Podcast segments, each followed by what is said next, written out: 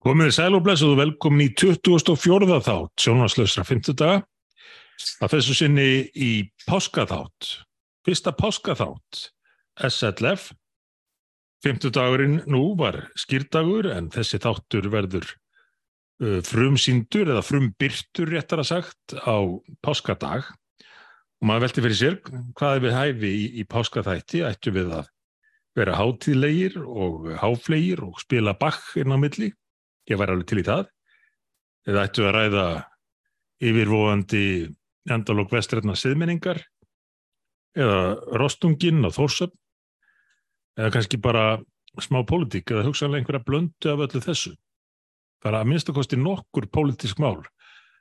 Stór pólitísk mál í gangi þessa dagana og ég held að við getum ekki alveg sleft því að fara yfir þau og líklega við hæfi að fara yfir eitt þeirra nýjustu fjármála áallun ríkistjórnarinnar sem að nú er nýbyrt réttur í páska og okkar maður Bergþór Ólason var á vettvangi fyldist með kynningunni og ég heyrði mjög gott viðtal við hann á, á bylgjunni í beinu framaldi af því. Þannig að það er líkunum kannski beinast við Bergþóra. Þú segir okkur aðeins frá því hvað er eiginlega gerast í fjármálum ríkisins. Já, svona stutta útgáfan er nú því miður svo að stjórnvöld, ríkistjórnin, virðist ætla að skilja vandamálið sem snýra því að ná tökum á verðbólkunni eftir annars vegar hjá Sæðlabankanum og hins vegar hjá atvinnulífinu. Það er mjög lítið framlag ríkistjórnarna sjálfrar og, ég vil ná viðkjöna þegar ég fóri þetta viðtala á bylgjunni þannig beinu framhald af kynningu uh, Bjarnar Bendit svona fjármálaráður upp í fjármálaráðandi fyrir okkur uh, fulltrúum í fjárlaganemnd þá uh, trúði ég því nú eiginlega ekki að, að, að þetta væri svona, svona veiklulegt innlegg uh, ríkistjórnarinnar uh, í slagnum við verðbólkuna en svo þegar maður, manni hafði unnist tími til þess að skoða þetta svona dýbra og, og kafa honi kjölin á nokkur matriðum þá, þá er þetta eiginlega alveg ótrúlegasta mál hvað ríkistjórnin í rauninni skilar auðu í þessum slag Og, og þetta er kannski endanlega núna að koma í ljós hvert, hversu dýrt það er að hafa ríkistjón samsetta í, af þessum þremu flokkum, jáfn ólíkir og þeir eru og þegar skattgreðendur og, og fyrirtæki landsins eru komin þann, á þann stag að, að þurfa að borga svona gríðarlega mikið fyrir það að halda þessar ríkistjón saman, þá hljóta menn að fara að spurja sér bara til hvers er unnið. Uh, þetta, þetta getur ekki orðið viðvarandi ástand því að, því að það greinilegt að ríkisvöndin getur ekki tekið á neinum málum. Og þarna er við að flagga svona, sma, uh, einhverjum smá niðurskurði í, en bara í hlutunum sem kosti ekki neitt. Allir, uh, allir svona stóru útgjaldarliðinir eru sett til hliðar og það á að hérna, sópa sama þá að ná fram einhverju hagraðingu og ekki ætla ég að gaggrina það en svona einn aðal sölupunkturinn í þessu er að það er að sópa saman einhverjum ofinbjörnum starfsmönnum í opin, opin skrifstúðurými og það er að ná fram miklu spartnaði en á sama tíma Var, var það nefnt aftur? Fjármálaráður nefndi þetta sem helsta spartnaðaráðið í, í svari í þinginu? Stundum skilum maður bara ekki neitt sko. þetta er, heyrðu, ef þetta er skinsanlegt þá bara gera með þetta. Aha. Þetta getur ekki verið eitt megin útspil í fjármála áallum. Herðu og á sama tíma og menn uh, flagga því sem einu, einu aðal útspili sínu að, að skjóta einhverjum ofnbjörnum starfsmönnum í opinn skrifstúður í mig, þá kaupa menn dýrasta skrifstúðuhúsnaði sem byggt hefur verið á Íslandi undir auðvitaðingirsáður. En, en veistu hvernig þetta spilar saman? Annars vegar opnur rýmin þar sem hægt er að koma fleira fólki fyrir í minna rými og svo kaupa á, á meira og dýrarrými, er það ekki bara til þess að setja fjölga enn? Já, alltaf fjölgar, ég meina það, sko, það, það er nú annað sem er alveg reynd ótrúld að lesa út úr þessari fjármála átlun, að það, það á bara hæja örlítið á útgjaldavextinum. Það er nú allur árangurinn, þegar maður menn allar sér að ná. Já, ekki að, ekki að hætta útgjölda Nei, nei, nei, nei, góður. Að hæja á það til hugar greinilega þarna sem einhverju var að hæja örlítið á. Ríki verður ekki reikið með afgangi á næsta ára, þetta segir mig það? Heyrðu, svo, svo er nú svona þegar menn er í vondri stöðu þá byrja menn að flagga einhver, einhverjum, einhverjum förðu hugtökum. Og nú er sko aðal hugtakið sem er flaggað í þessum efnum það er sko jákvæður frumjöfnuður vissulega er já, bara hitt besta mála að vera með jákvæðan frumjöfnuð en það kemist ekkit heimilega fyrirtæki upp með það Nei, að flagga bara því hvernig sko málinn stæðu ef það þyrfti ekki að taka tillit til vaksta Nei. á meðan sko vakstagjöldin sko springa út í umfangi hjá ofnbæra það væri ekki gæfilegt fyrir fyrirtæki að, að taka mikið af lánum að háum vöxtum og segja svo bara, er það frumjöfniðurinn er Já, í... frumjöfnum verið fín, það er frábært, við erum bara í syngjandi fínu standi. Þetta er auðvitað einhver þvæla, Já, já, en það er svona, þetta er, hérna, þetta er, þetta eru menn búin að hengja sig á. Frumjöfnuðin, sem að, en nú hugtak sem að ég held að fæstir hafi tekið eftir fyrir Stengrim og Sigfússon af öllum málum gerð, mönnum gerði það að svona sínu uppáhaldshugtaki.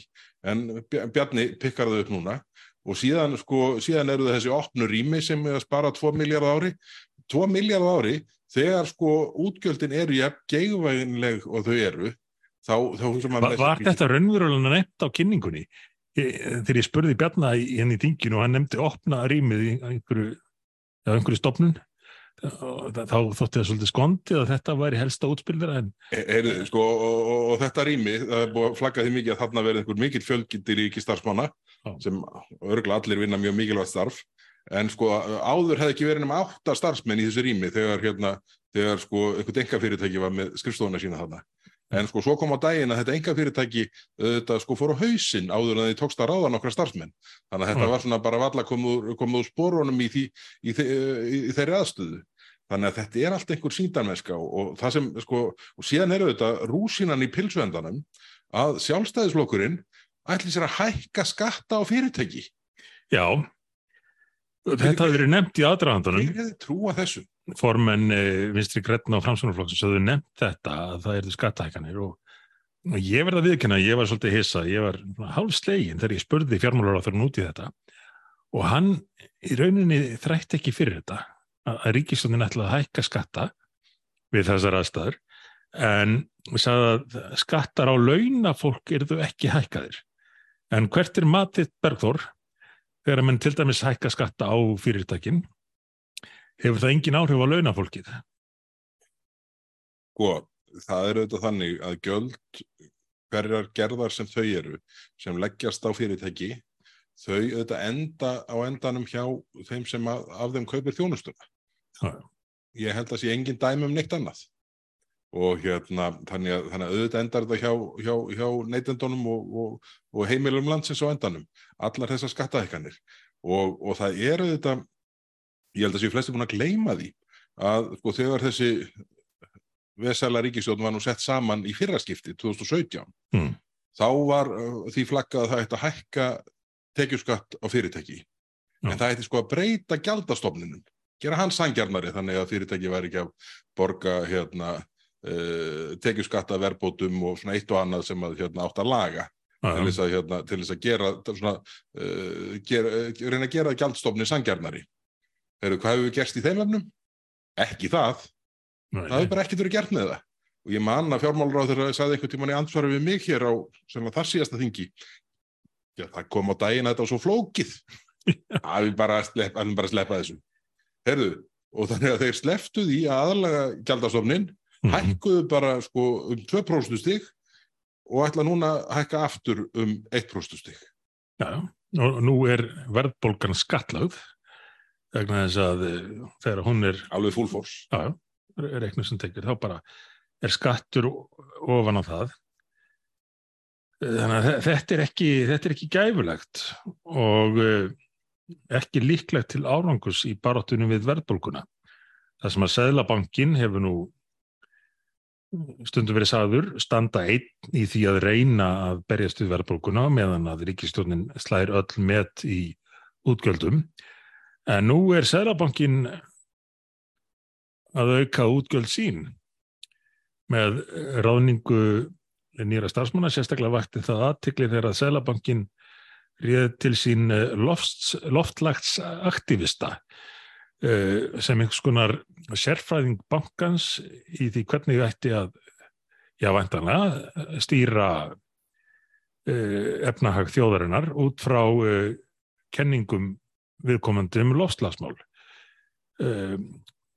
Viðkomandi eflaust ágætt manneska, ég ger ekki lítur því, ég þekki hana ekki, en, en hún hafði nú farið fyrir ungum umhverfisunnum sem að hefðu gefið sjálfstæðisflokknum afskaplega lága engun í því hvernig þeir nálguðust umhverjasmálina því þeir væri ekki nógu harðir af því að loka uh, Álverum. álverum og, og slíku E, en við verðum nú aðeins að státa okkur að því að, að við toppuðum nú samt sjálfstæðisflokkir Já, við náðum Það var, ég mjög ánægði með við náðum toppsætinu Já. sem að þau held ég hafi kallað uh, bottsætið en, en, en af því að við viljum viðhalda hér framleiðslu og innaði þá, þá var það mjög lítilsmetið en nú er, er þessi aðili sem að greindi okkur þarna á sjálfstæðisflokkin sem uh, ómögulega því að við værum svona eh, framleiðslu og verðmætasköpunar sinnaðir eh, farin að ráðleggja selabankunum. Hvað finnst þér um þetta, Bergþór? Sko þetta, ég hef nú uh, gert tölvöld af því undanfarnar vikur og mánuð að, að verja Ásker Jónsson, af því að mér hefur hann, einmitt þótt hann skilin eftir daldið út á berangri af stjórnvöldum á ríkistjóðinni, svona daldið einn í slagnum við, við verðbólguna með svona það, það ó, svona lítt fjölbreytta vopnabúr sem að Seðlabankastjóri býr yfir. Mér þykir þetta ég, eiginlega bara, ég vona að þetta sé klaufalegt, klaufaskapur. Ég, ég, Getur, verið þetta að verið sending? Bara honum að verið ætlað að já, fara í þetta? sko, það, því hefur auðvitað verið haldið fram að sko, sjálfstæði Seðlabankan sé ekki næjanlegt, menn sé Seðlabankastjóri hverjum sinni, bara svona Mhm. með, með, í ljósi sögunar, hvernig mála atvökuðust í kringu hruni, það sem Jóhann og Stengrimu fór í þá hörmungar aðgerð að, að, að, skera lögum Seðlabankan upp til þess eins að, að koma höggi á gamlan pólitískan anstæðing. Uh, í því ljósi þá þetta hlýtur Seðlabankastjóri hverju sinni að þess að huga að því með hvaða hætti hann stríkur, stríkur valdhöfum hverju sinni. Það er auðvitað ekki gott. En, en ég, ég held, ég samála því sem hún sagðir, ég, hún tinna Hallgrímsdóttir, ég held að sé bráðskörp stúlka og hérna og bara, bara allt gott með það, en, en auðvitað er hún aktivisti, sko. Já, Þú Veist, hvað, er þið sagt ef að sko Svandi Svavastóttir myndi ráða Sigurstein Másson sem uh, sérstakann ráðgjafa í kvalveiðimálum? já, já. já, menn myndu þetta bara hrista höfuðið. Þannig að, þannig að ég held að hefði nú farið betur á því að, að, að tinna syndi öðrum störfum með þessu og, og ekki að því hún sé ekki hérna uh, til þess bær heldur bara Sælabankin ætti ekki að vera ráð, meðan Sælabankin er að senda frá sér þau skilaboð að heimili og fyrirtæki eigi, að halda sér höndum og svona hérna, skera niður útgjaldaliðinni, já. þá getur Sælabankin ekki gert svona vittlisu sko. Það sem ég finnst vest við þetta, burt sér frá enn einu stöðugildinu og þau eru nú orðin bísna Það mörgusett. eru ekki cirka 300 Ég held það, sem er þá. Ég minni ég hefði lesið það. En, en þetta vekur smá ágjöru af því hvert Sælabankin stefnir. Hver eru markmið hans og hvernig mun hann haga sinni ráðgjöf og sínum ákvörðunum ef að bankin telur nöðsynlegt að ráða til sín eh, aktivista í lofslagsmálum sem að hefur verið mjög, vægast sagt, mjög eh, gaggrínin á alla framleiðslu og verðmætasköpun í samfélaginu. Ég laði nú til í, í Facebook-fæslu að Sælabankin hefði frekar átt að ráða pípulagningamanna því þeir þó skilja inn og útflæði. Já, já, það er á rétt. Núna verðist þetta bara að vera einstefnuloki, Já, já, bara, bara út, enda lust. Nei, þetta, ég, þetta, var, þetta var ekki gott, sko, en, en hérna, og ég vona að þetta hafi verið einhver svona, að Sælabankastjóri hafi svona einhvern veginn aðeins bara misti í sig þarna og, og, og strammi sig af, hérna, uh, fljótlega. Við verðum að vona það. En, en það er eitt hérna sem að ég hérna, uh, get ekki sleppt í að nefna því að það er búið að halda svo marga bladamannafundi og svona photo-ops um Mm. ákveðið mál á útgjaldarhlið uh, hérna, fjármála áallunar Já, sem að virðist hafa bara gleymst. Það er þessi þjóðaröll. er einhver nýtt að frétta af henni? Já, bara, það, það sem er að frétta af henni er bara er mjög lítið að frétta henni í þessari fjármála áallun. Já, í fjármálaállunni, já, já, já. En ég er bara að velta fyrir mér hvernig Ásmundur Einar Daðason ætlar að stilla upp næsta fundi. Það sem verður borð, svona eins og alltaf, hann stendur þarna og Katrín og hver er alltaf með þeim, Lilja Lilja dökka með þeim, þau eru þrjú þarna og Dagur, Da, dagur, Dagur. dagur. Men, þau skrif undir ennina viljaðlýsinguna hvernig ætla, ég er bara svo spenntur að bara að fá að sjá næsti svona fundur það þarf raunverulega, það þarf skáld til þess að forma narratífið í kringum þann fund því að það er hvergi neitt að sjá í var- varðandi þessa ágætu höll hérna. Hún er ekki, hún, hún er ekki það, það verður ekki skóplustung í haust. Og engin fjölmiðl nema SLF hefur velt þessu upp. En, en veltum fyrir okkur tímasetningunni, því að fyrsti svona fundurinn til að tilkynna um að þau þrjú þarna ætlaði að byggja þessa þjóðarhöll var uh, rétt fyrir uh, sveitastunarkostningar. Já, já, kortir í þær. Já, næsti fundur var á meðan á HM í handbólta stóð. Já, já, já. Hver- Hvert er svona næsta atrið þar sem þau mæta við borðið þrjú og, og tilkynna að þau ætla að byggja Er- þjóðarhöll? HM í handbólta var í janúar, var það ekki? E, jú, líklega. Tíminn er svo hratt, ég- það fyrir ekkert að spyrja mig um dagsetningar. Nei, ég, ég held að það hefur verið, ég held að HM sé alltaf rétt upp á áramótum. Já. Herðu, þessi sko fjármálaállun fyrir prentun sko í mars. Það eru tveir mánuður hérna á milli. Já. Þessi, uh, þessi snillingar sem stóðu þarna við sko hérna snittuborðið í lögadalnum, uh, þeir vissu það alveg að þetta væri já. Þetta var með öðrum orðum það sem við vissum að það væri blekking. Já, já, blasti við öllum. En, en það er engin eh, flokkur nema við að benda á þessa gengdarlösu uh, blekkingu sem á sér stað í öllum þessum tilkynningum ráðherra og, og meiri hlutans hérna almennt og, og oft í samstarfi við við kollegana hérna handan við vonarstrætið menn komast upp með þetta að halda ítrekkað jafnvel sömu blaðamannafundina, ég tala nú ekki um alla glærutnar hans dags og, og innviða ráðferða hans og þeirra allra, allra um, um uh, uppbygging á húsnæði og svona það sem að bara rampar til og frá hvort það er 18.000 íbúðir eða 15 eða 30 og, og, og að öðru leiti nota menn Og svo borgarsjóður alltaf látið borga fyrir útgáfu sem er borin út í hvert hús. Já, já, já, já, Ótrúlega misnótkun á skattpinningum.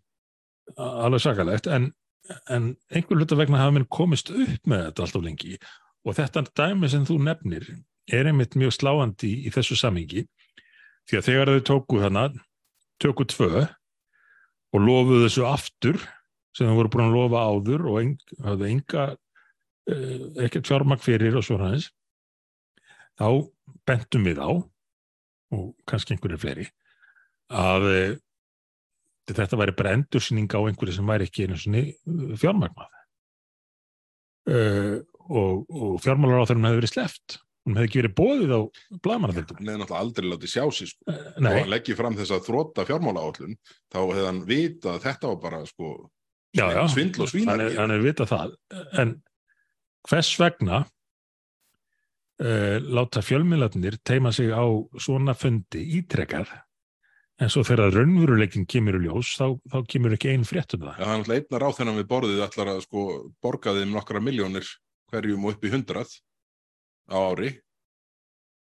uh, hverjum Nú, eh, þessi fjölmiðlar sem þarna mæta, já, já já, já, já. já, já, já. Þeir, þeir, þeir eru náttúrulega hérna, sjá bara fram á að eh, sko, útar saga fekk nú aldrei að kynna á því fyrra eða Já, fyrra. Það er útar saga sem framleiði nú svona hvað mest af innlendu dagskrárefni akkurat fekk ekki í krónu.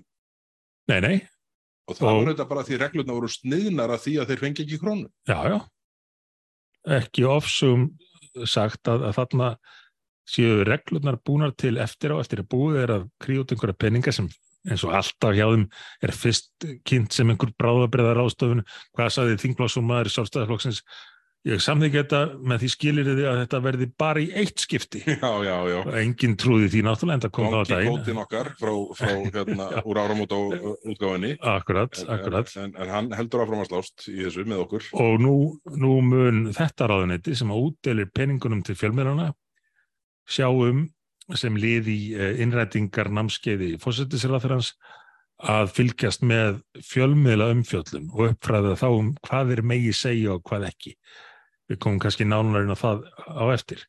En þetta er orðið svolítið ískikilegt þegar, þegar ráð þeirra sem að velur getur handvalið hvert peningar fara til fjölmiðla á um leið að halda utanum það hvernig umfjöllunum er á fjölmiðlum. Þetta er alveg galið.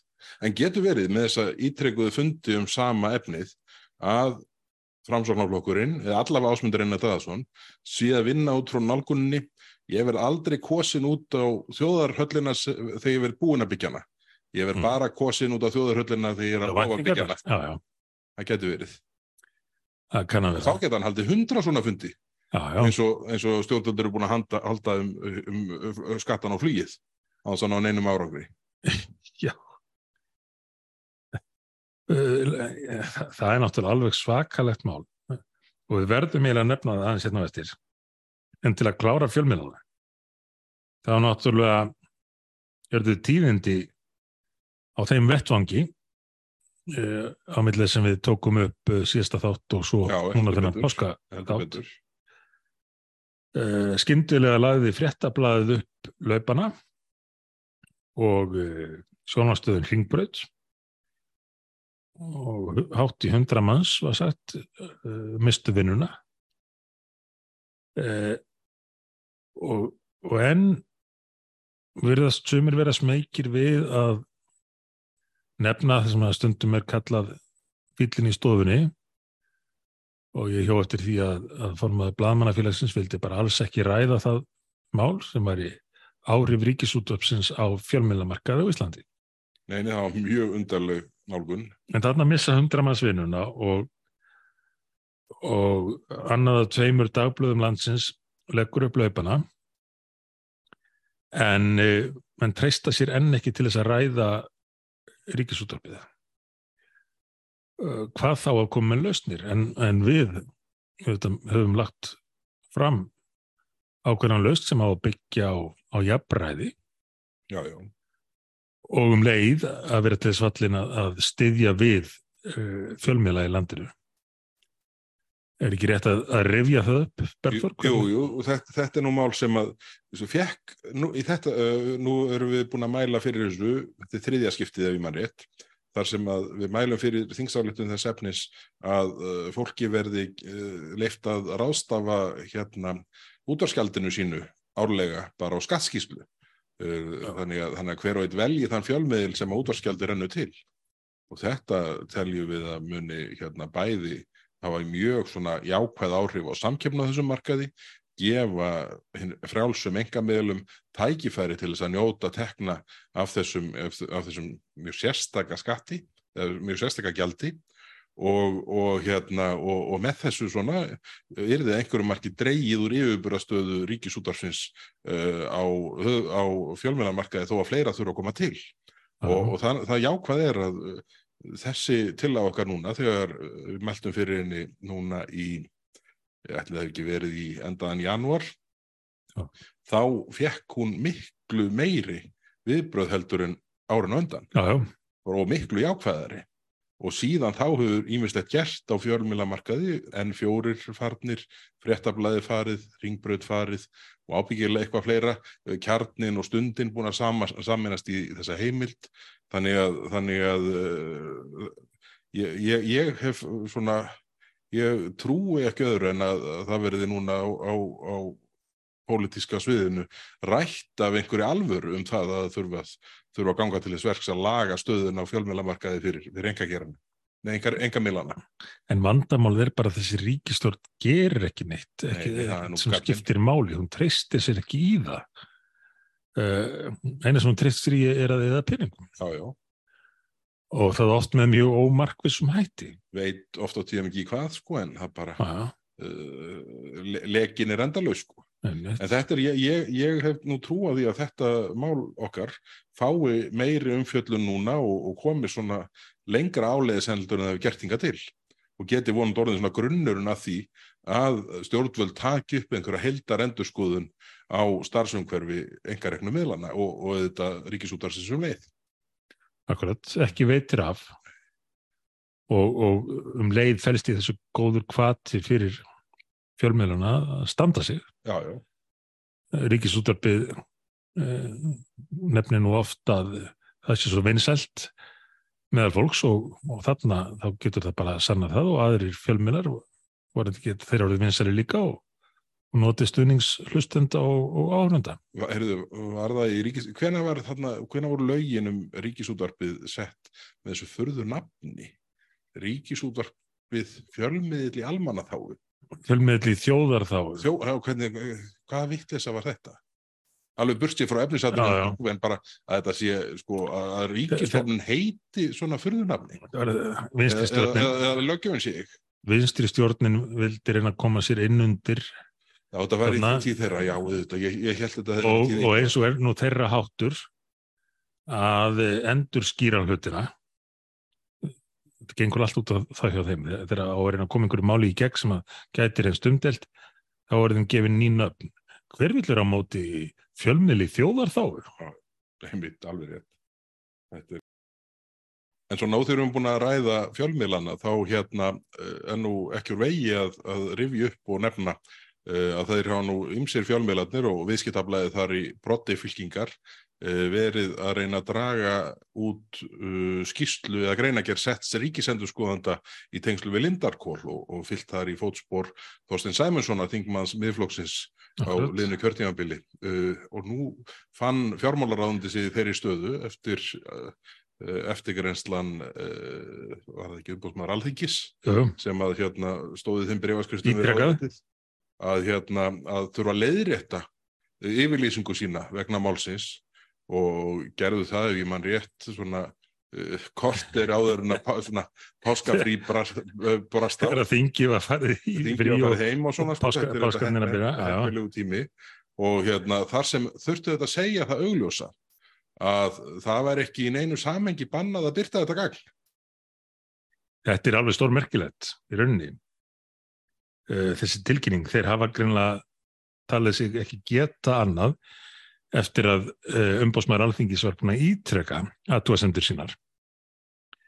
Og þetta auðvitað gengur í berhögg við margt af því sem hefur verið sagt hérna í þingsalunum á síðustu misserum og jafnvel í fósettisnefndinni í einhver ár frá því að Þorstedt byrjaði að hamast í þessu og við auðvitað allt síðasta kjörtímabil vorum að hamast í þessu máli og fengum með þess að lögfræði álit, óháð lögfræði álit um, um akkurat þetta.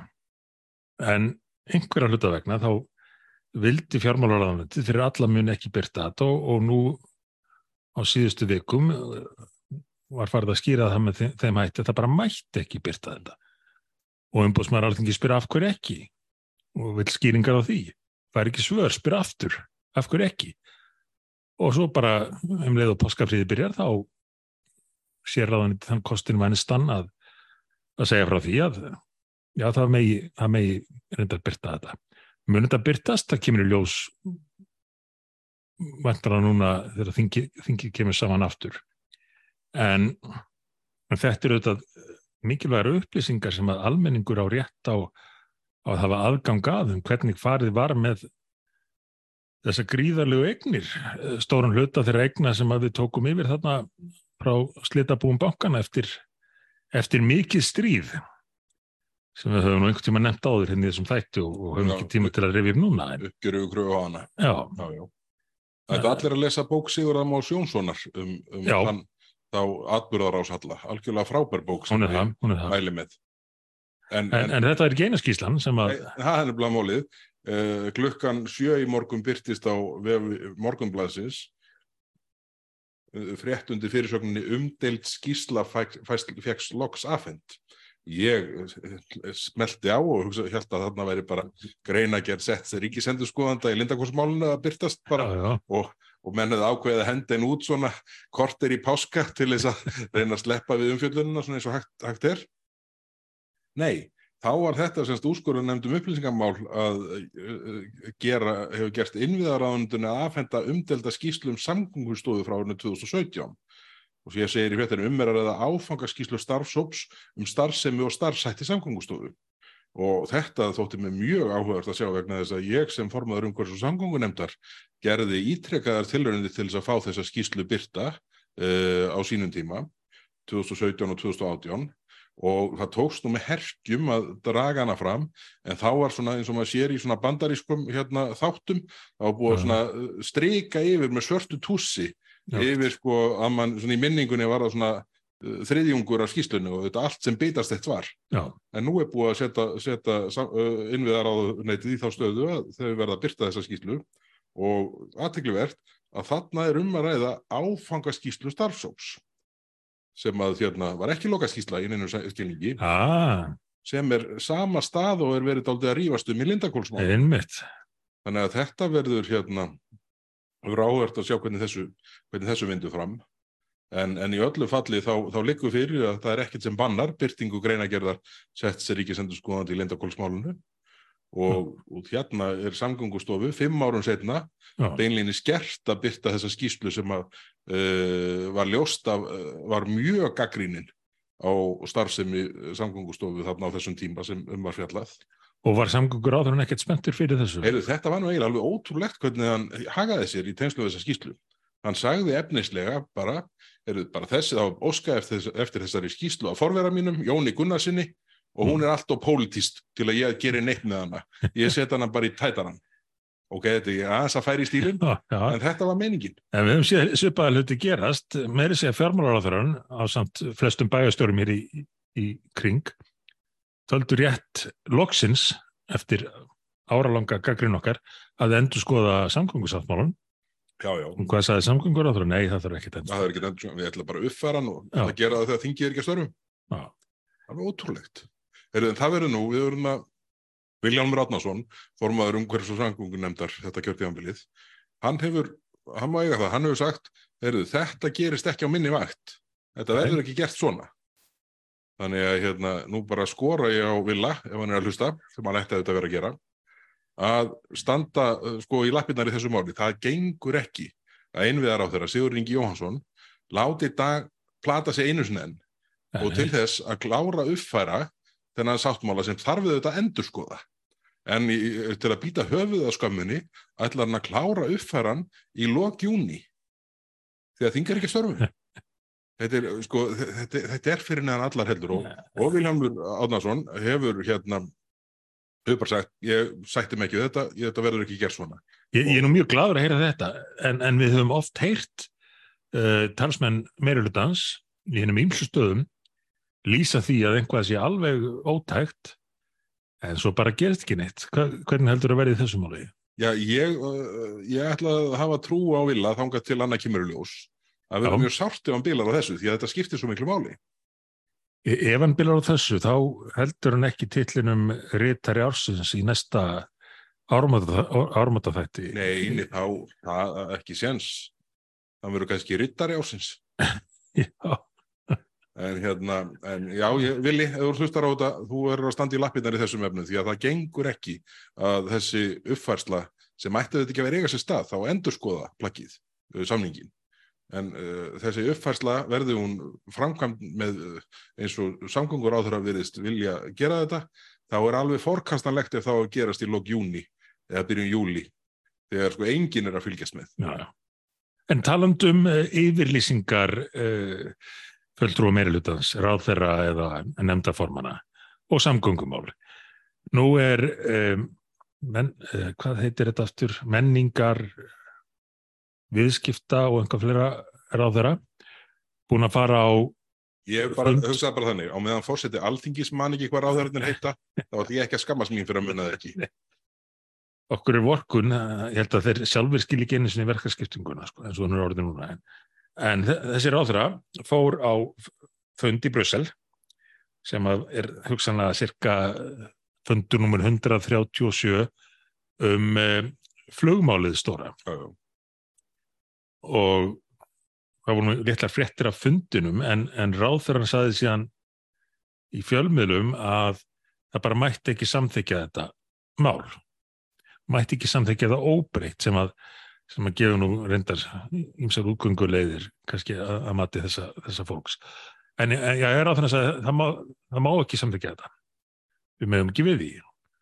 Og tekur þannig undir með okkur sem að höfum nú reynt að vekja aðtikli á þessu máli hérna í þinginu allengi uh, og af því við höfum nefnt þetta í fyrri þáttum þá ætla ekki að eigða löngum tími það ne- nema bara að segja að það virðist vera ljóst meiri segja mati sérfræðinga íslenska stjórnvalda að verði þessi reglugerð þessi, þessi lög í framhaldinu vegna reglugerð Evropasambandsins innleitt hér og samþygt tekið upp í EES-samningin þá rústist fullkomlega staða Íslands sem tengi miðstöðar í Allandsafi flugferðum til og frá landinu stórfækki það verði miklu dýrara að fljúa til og frá landinu.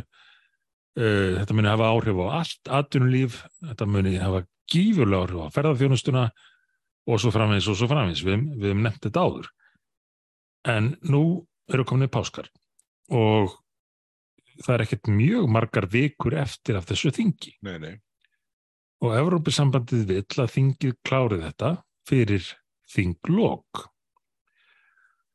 uh, og hvað þýðir það? Hvernig munu þau bregðast við? Munu þau raunverulega standa í lappirnar eða getur við átt vona á bladamannafundi eða tilkynningu, það sem sagt er frá stórkostlugum árangri Íslands við það að ná einhverju breytingu á þessu sem felist til dæmis í aðlöguna tíma í þrjú ár eða einhvað stíkt, einhvað sem skiptir einhver máli. Það er það sem ég óttast mest í þessu, að þau, þau samþykja þetta og, og rústi stöðu Íslands að þessu leiti en reynum leið að rósa sér fyrir að hafa verið plötuð. Já, já, þetta er, þetta er svona líklegasta scenarjóið og ég opnaði nú starfsáallununa á meðan þú varst að tala og, og það eru, það eru átta þingvikur eftir. Það er ekki meina það. Það er ekki meina það og af þessum átta þingvikum held ég að svona fjóra til fimm verði dálítið svona í kyrþegi eða þagnabindindi stjórnvalda Já. að því að menn ætli ekki að rugga neinum bát uh, fyrir en eftir uh, Európarástingi sem verður hérna helgina. Þau eru svakalega spennt yfir því. Ó, þau eru svo spennt að fá þeirra á þessum myndum. Ó, verður, við þurfum eiginlega svona, setja upp svona hérna kostnaða klukku fyrir mynd, hverja mynd. Hver mynd sem þau fengu að vera á með stóru komissarunum kostaði 200 miljónir. Já, Það, hérna, en, en, en það, þannig að ég held að sko það fer alltaf fullt þegar, þegar, þegar komissararnir verða farnir á landibrót þarna minnir þetta sé 17. sem þetta klárast, 17. mæ hmm. cirka bótt þar umkring, þetta er um miðamánuðin og þá, hversu mikið eftir? Þá er eftir 1, 2, 3 þingvíkur samkvæmt uh, hérna, uh, hérna starfsáallun og svona segur hún til að bæta við einni þarna fram að 17. júni það verður hálfa ankannalegt en bæta meiru við en því. Þannig að á þessum 3-4 vikum held ég að þau ætli sér að gera allt. Já. þarna verður sko hérna, skatturinn á flugið. Þarna verður bókun 35 hinn allræmda hinn allræmda og sko vantalengur sko fleiri sko mjög snúin mál. Og þetta er svona farið að líta dálta út eins og taktíkjáðum að ætla bara einhvern veginn að henda þessu öllu inn og taka þetta með einhver svona blitzkrík þarna í lokin Já. og treyst á að, að það bara sko náist ekki að formast umræða um þetta ah. and they have another uh, thing coming eins og einhvers það að það við, við hleypum þessum málum ekkert í gegn þegjandi og hljóðalust uh, hinn uh, hinn geysi öllu í þingflokkur miðflokksins getur nú látið til sem taka þeirra svona mikið er undir og ég vil að minna tilefni. En verður ekki bara á endan með einhver uppreist í þinglokki sjálfstæðarflóksins? Maður, maður, maður hættur að býða, sko. Meina, maður sko... hefur verið að gera ráð fyrir því að einhverju sjálfstæðismenn, jafnvel einhverju framsóknarmenn, myndu segja að hingað ekki lengra í svo mörga ár. Maður hættur að vona. Já, já, þetta er, nei, sko, það að, sko, málinn sem við fórum yfir, held ég síðast að þetta verður ekki þar síðasta, sem að sko formaður og varaformaður sjálfstæðarflokksins er að leggja fram núna eru þeirra gerðar að það er algjörlega óskiljanlegt orðið. Og, já, það, já. og það er einhvern veginn sko, maður er einhvern veginn haldið að það væri svegrum fyrir einhvern og þingflokki sjálfstæðarflokks að stíga fram og segja bara heis, stopp nú. Þetta er, þetta er ekki sko það sem flokkurinn okkar stendur fyrir. Já, einn eða tveir kannski þrýr menn hafa varað við þessum hlutum en, en þeir eru í bestafalli varaþingmenn úr þessum flokki. Uh,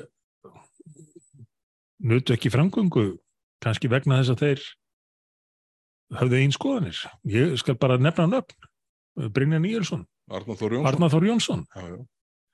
sem að ég held að við raunverulegar ágjur af, af mörgum þessara hluta en en þá þeir að hafa einhver áhrif. Bara, til dæmis bara þetta mál sem þú nefndir það náðan hinn allræmda bókun 35 þetta er mál sem að hefur ekkert bara áhrif á þessu ári 2023 ef þetta fer hérna í gegn þá mun það breyta íslenskum stjórnmálum til áratuga. Það gengur út á það að lög og reglur Evrópusambandsins verði æðri íslenskum lögum sem að menn hlóa þegar við vörum við þessari þróun í til dæmis í umræðum þriði orkupakkan. Nei, nei, láti ekki svona. Við höfum alltaf síðasta orðið var alltaf viðkvæðið. Það er ekki tægt að gera neitt nema alþingi Íslendinga samþyngið á íslensk lög gilda. Þarna er beininis búið að leggja fram frumvarp um að Evrópu lög verði aðri íslenskum lögum. Já, já, þetta tepparleggur Evrópskan rétt yfir yfir gildandi innlendan rétt. Ég er að leita hérna, ég sá viðtal við utaríkisráð þeirra varðandi þetta, ég held að það hefði verið á MBL en ég finna ekki fljótu bræði sem að sko, það voru svona kunnuleg stef, mm. það snýrum sko, snýrist um réttindi einstaklinga. Heyrðu, býtu hvað var alltaf verið að kvaka hérna þegar var verið að tróða þriði orkupakkanum ofan í sko kokið á fólki. Mm -hmm. Heyrðu, þetta átt að vera svo mikil réttarbót fyrir sko almenning í landinu. Já, alveg rétt. Já, ha, býtur nú við, hver, það hefur ekki verið nefnt einu orði neitt í þá verðina síðan sko. Þannig að aftur að komið þetta, ég, ég verður bara að finna þetta. Ég, en, en þetta er alltaf sama sagan. Ég tek slúninga á þessi næsta þætti sko, ég, því ég finn ekki fréttin í augnablikinu en, en þetta var sko, og, og síðan sko var einhvern veginn farið í það að segja, herðu, við bara gerðum þetta ekki rétt þarna á sínum tíma sko við ætluðum að gera það rétt en, en að því við gerðum þetta ekki rétt þá þá verðum við að uppfærd uh, laga þetta núna heyrðu, þegar var við að gera þetta þannig á sínum tíma þá töldum en eða samningin vera sko, uppáleikja okkur alltaf að skildur heldur en raunin hefur orðið já, já.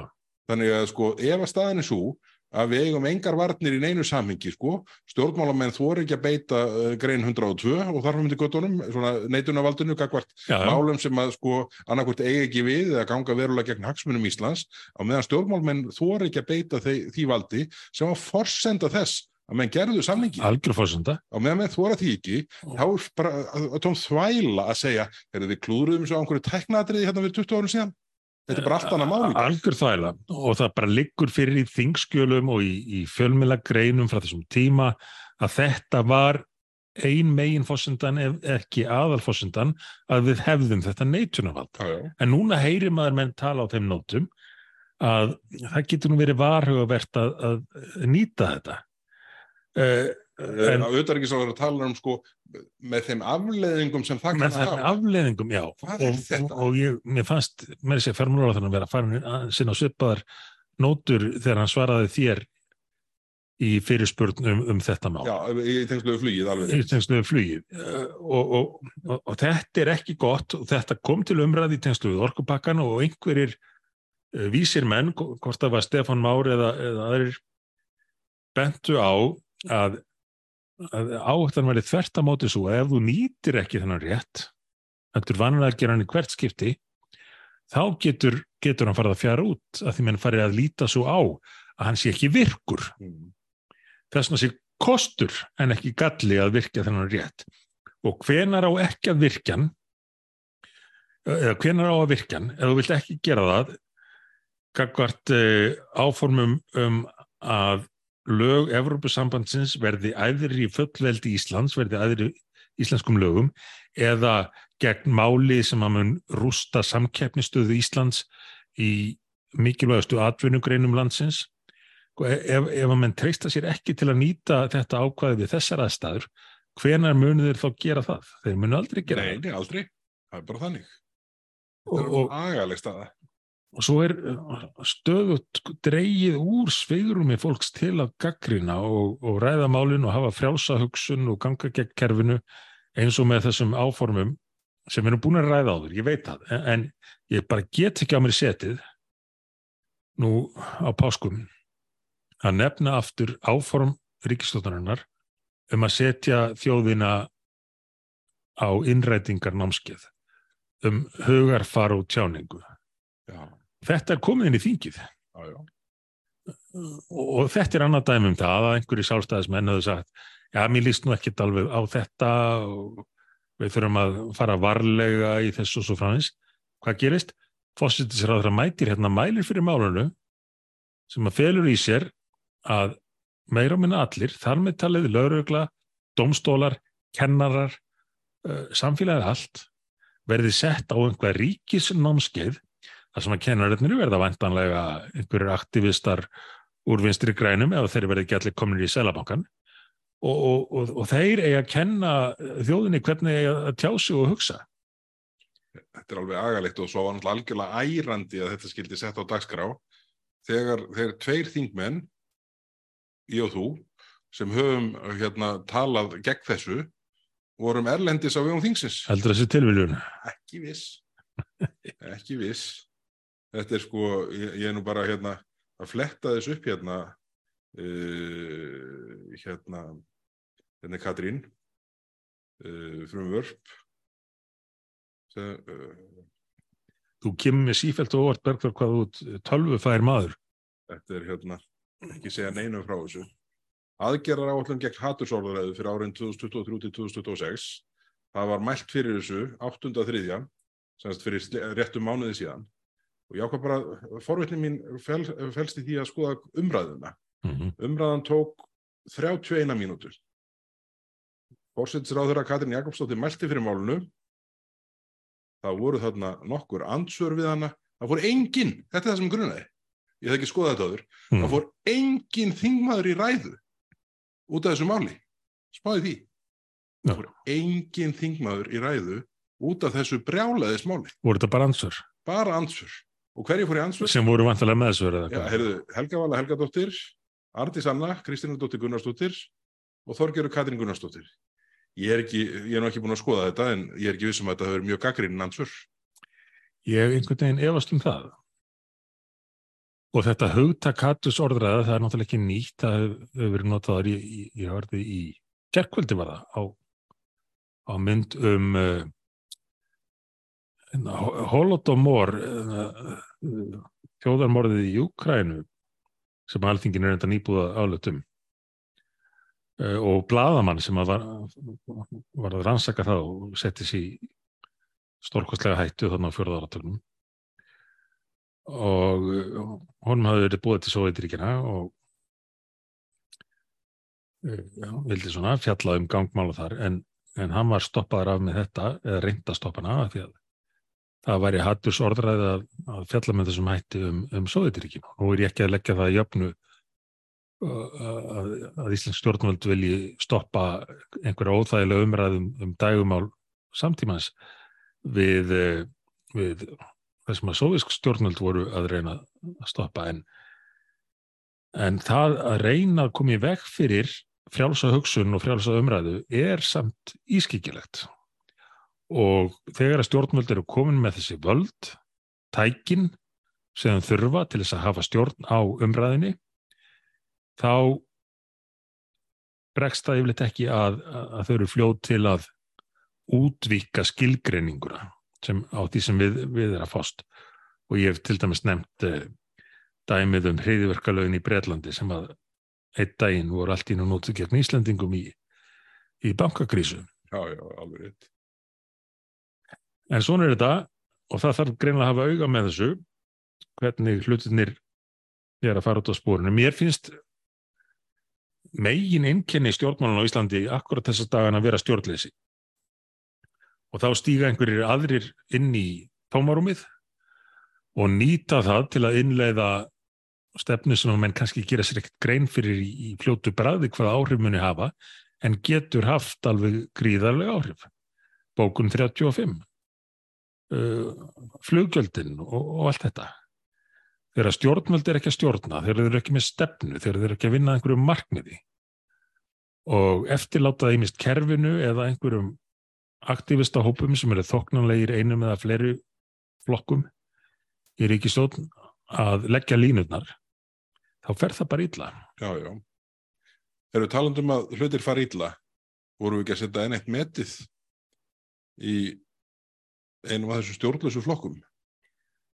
Það er nú málaflokkur þar sem að meira segja ráð þeirra málaflokksins tónsmálaráþarann hefur ítrekkað viðurkend, tekið undir með okkur að sé stjórnlaus og gott ef fjármálaráþarann sagði það ekki líka einhvern tíman í svari við mig að hælisleitundamálin væri orðin stjórnlaus á Íslandi.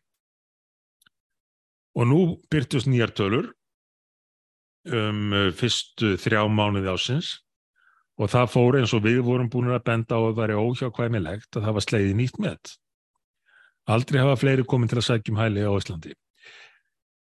Menn þess að Ríkisúttarpið saði frá því að, að það væri kominir um 1500 hælisleitundur og setjum það í samingi við hvernig staðan var hérna áður fyrr að eh, við böðum til landsins 26 manns á ári frá uh, 1995 til 2019 sem, sem kvotaflottamannum og vildum taka vel á mótið þeim og gera vel við þá og, og við vildum á sínum tíma ráði sjálf hver- hverjir kæmu til að geta hjálpa þeim mest sem að væri mest hjálpar þurfi og stöku sinnum til dæmis í ríkistjórnaruna 2013 til 16 kom upp hugmyndir um það að nýta uh, fjármagniðins vel og hægt væri til að hjálpa sem flestum með annars á nærsvæðanum sem að gleymast nú jafnan en nú er þetta algjörlega orðið stjórnlaust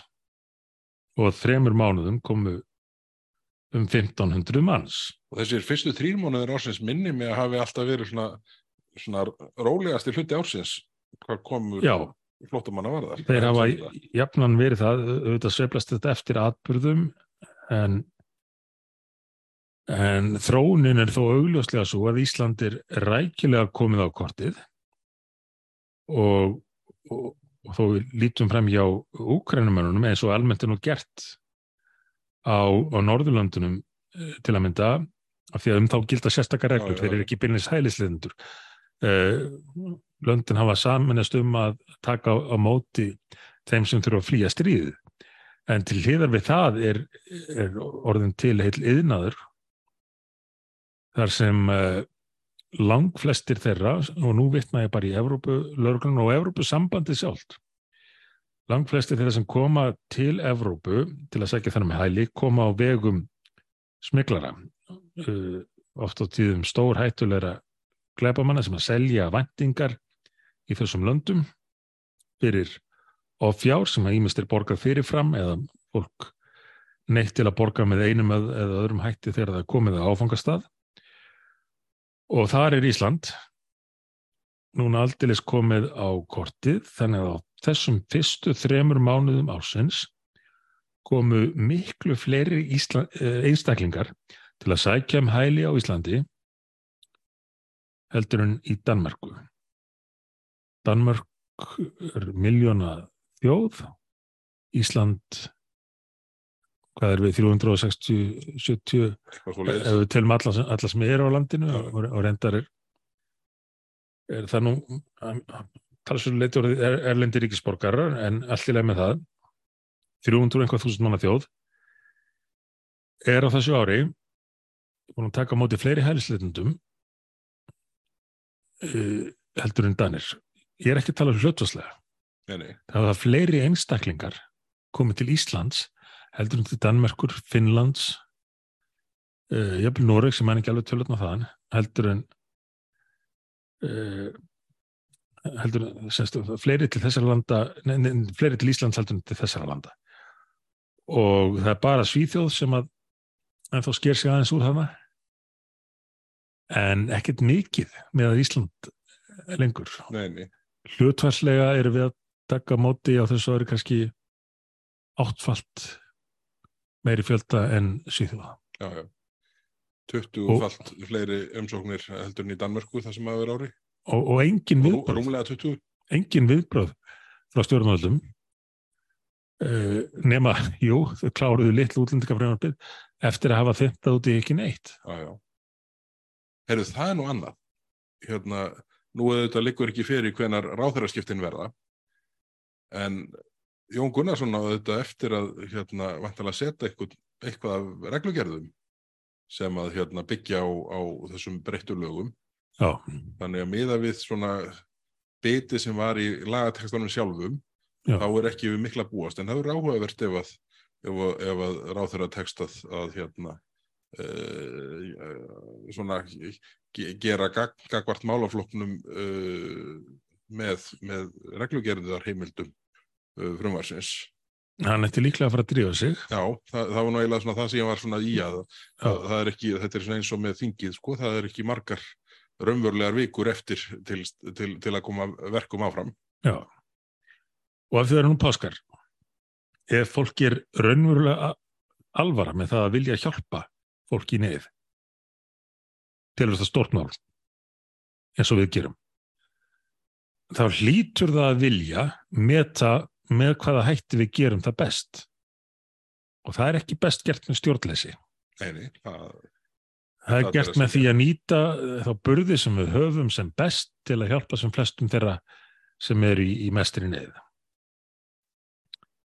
En svona er þetta nú orðið og við, við, við, tökum annan snúning á þessum tölum eftir mánuð í síðasta já. því því að það er, það er, það er ekki þeim bendið til annars en að, hérna, en að það verið bætt í og svo verður nú áhugast að vakta það þegar, hérna, var það ekki 16. mæ flugið frá Venezuela sem hann verið að selja í þegar þú byrtir vídeóið. jú, jú, Ég minni að það verið 16. Já. eða 17. mæ. um byrja á 16. og 17. Já, Brottfur frá Venezuela 16. mæ, ætlaði að hefði verið komið til Íslands 17. og 18. flugið gegnum Madrid. já við getum hérna bent þeim á það á keflagu flugulli að hafa, hafa vakt tilbúna og kemur stórvél. hafa, hafa skiltin á, hérna, á, á spænsku Já, sem að hérna, taka á móti farþegum þann daginn.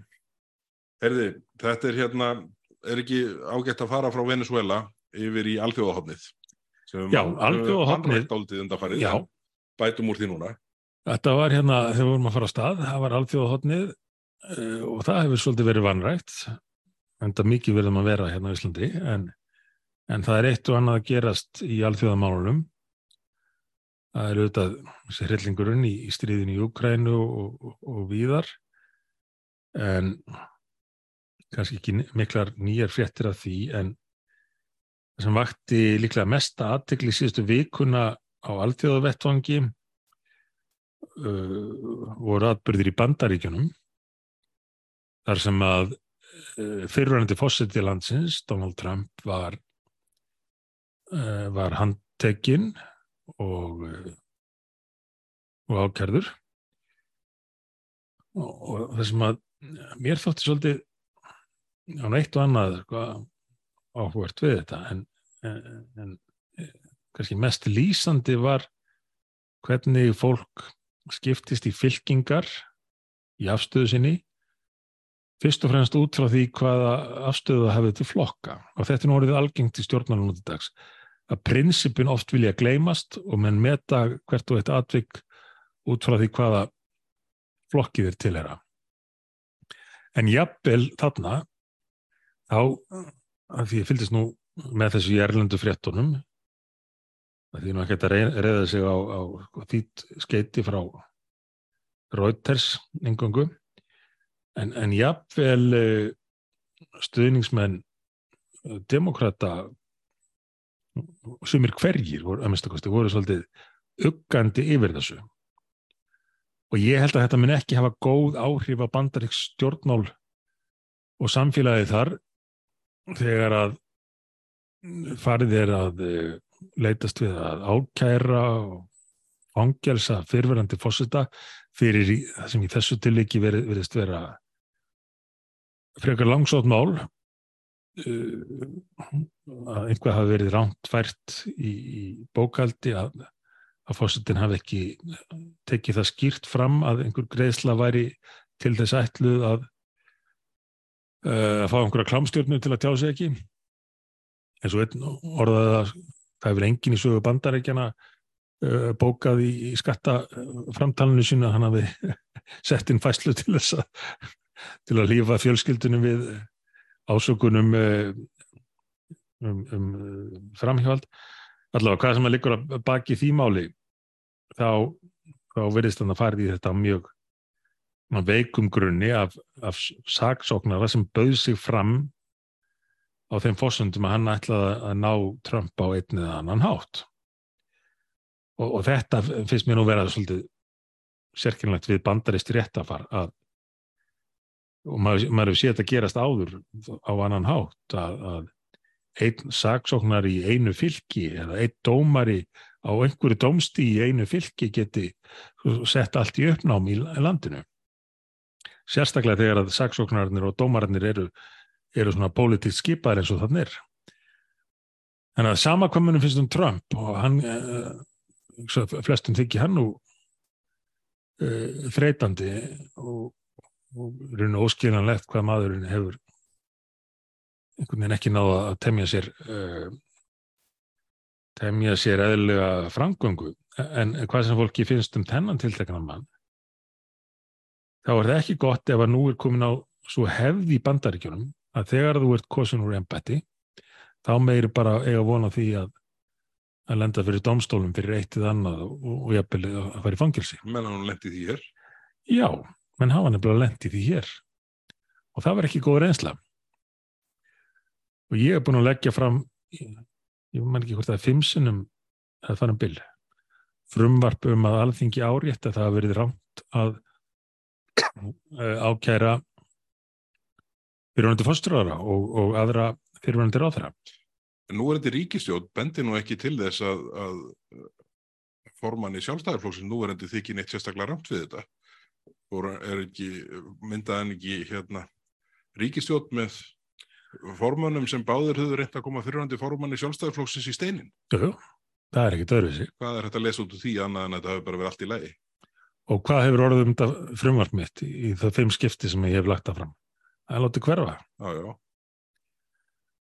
Verða minn ekki á einhverju tímbúti að reyna að verja prinsipin? Menn eru lítið fyrir það þessi árin. Já, því miður. Þetta er einhvern veginn hérna, og það, þinn, þinn, þau þinnast út jæmt og þétt, sko, og, og menn láti ekki bróta á neinu. En er ekki eitthvað fleira í allþjóðhóllinu sem við erum að koma inn á? Já, það er nú svona eitt og, eitt og annað þetta búið að vera í gangi eins og jafnan í, í útlöndunum. Uh, í Skotlandi örðu uh, stjórnar skipta því leiti að það, er, það var kjörun nýr formaður uh, skoskar, skoskra þjóðunni sinna. Er nú búið að handtaka mannin en hérna, hérna, það er allt í uppnám í SNP, skoska já, þjóðunni sinna flokkum. Þeir eru reyndar aldrei kallaðir kallaðir hérna öfga hægri menn. En það er kannski af því að þeir eru svona í náðinni hjá þeim sem að stýra umfjöllinu og, og ekki er þeir ekki er þeir reyndar hægri sinnaðir hérna í Skotlandi. Þeir eru leiðandi í, í vókusmannum og, og innleiðingu á öllu slíku þannig að þeir, þeir fá kannski á sig minni gaggrinn ella og þess vegna komið það ímsum á óvart. Eins og aðra breytingar sem við höfum séð að undanförnu í, í Nýja Sjálandi og í Finnlandi sem hún sanna sanna marinn já, uh, fjalla fósittisráþra stóli í, í þriðasveitið. já. Uh, ég hef nú ekkert að móti henni ég, ég þekk henni ekki al- aldrei hitta en, en hún var svona vinsæl hún var vinsæl hjá þeim sem að telja sig verið í réttu liðið sem að segja.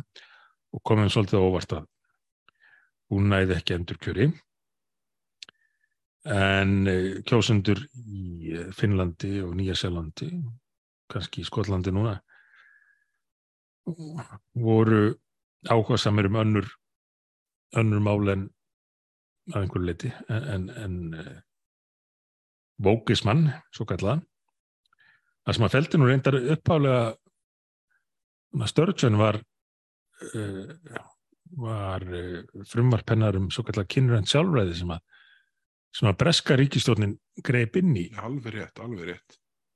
og hún lendi í vandræðum í framhald af því breska ríkistjórnin Súnak og félagar vildu beita neitunarvaldi.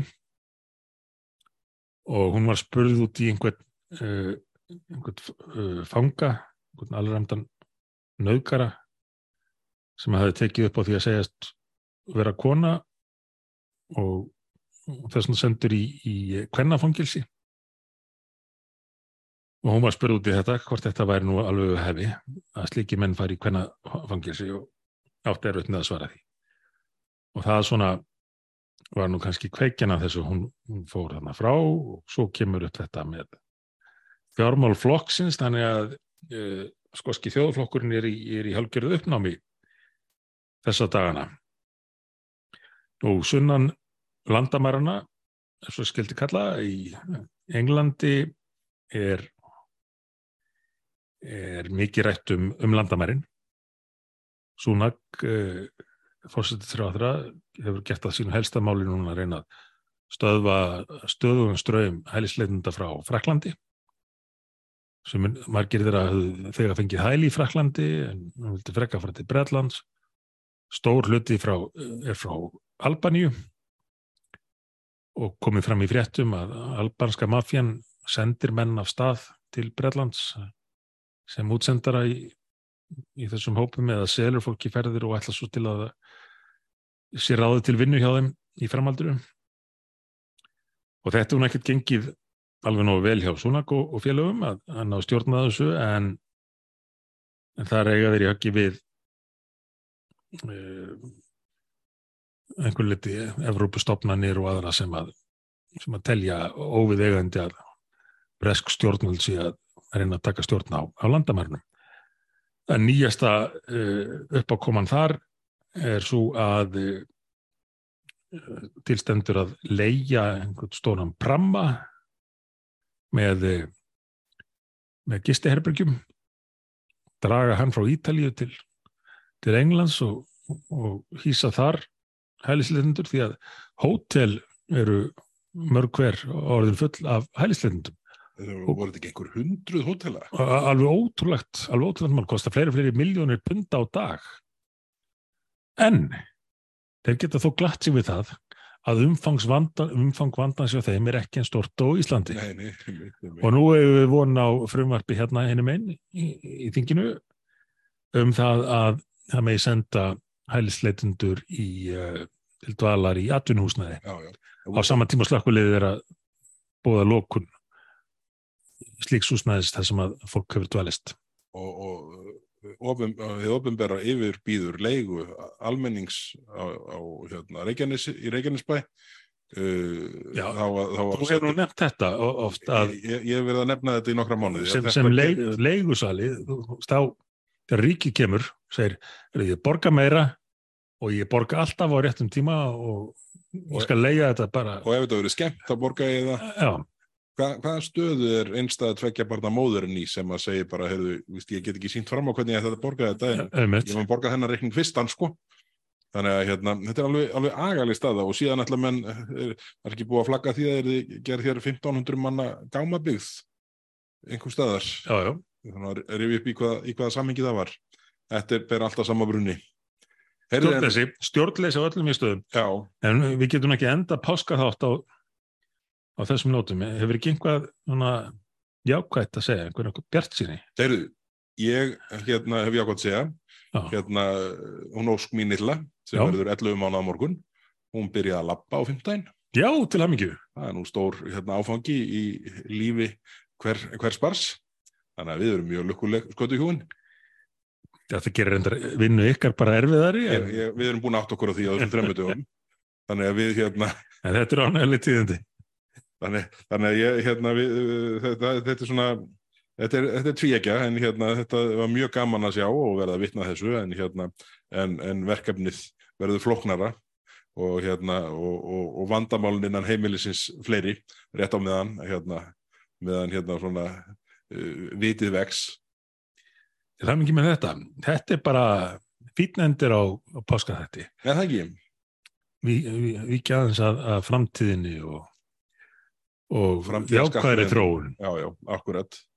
Við mættum en hafa meira því í stofnmálunum hérna. Já, það er enda alveg rétt að, að, að það er miklu meira því sko. Hérna, minna niðurif, meiri uppbygging, minni eftir á hérna, uh, pælingar, meiri framtíðasín.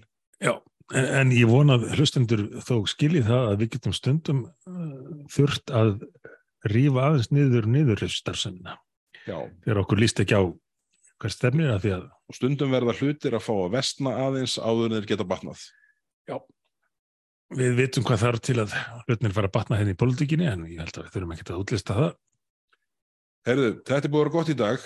Þetta er hérna, þetta er búin að, fyrsti páskaþátturinn okkar Já, fer í loftið á morgun. Við tökum þetta hérna upp á, á sem sagt lögadegi, uh, daginn fyrir páskadag og hérna þetta er búið að vera, þetta er þáttu 24, Já. Það búið að vera bráð skemmtilegt hinga til, við erum rétt að byrja.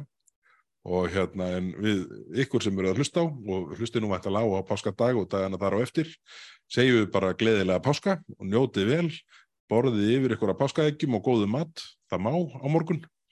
Og hérna takk fyrir okkur. Takk fyrir okkur og gleðilega páska.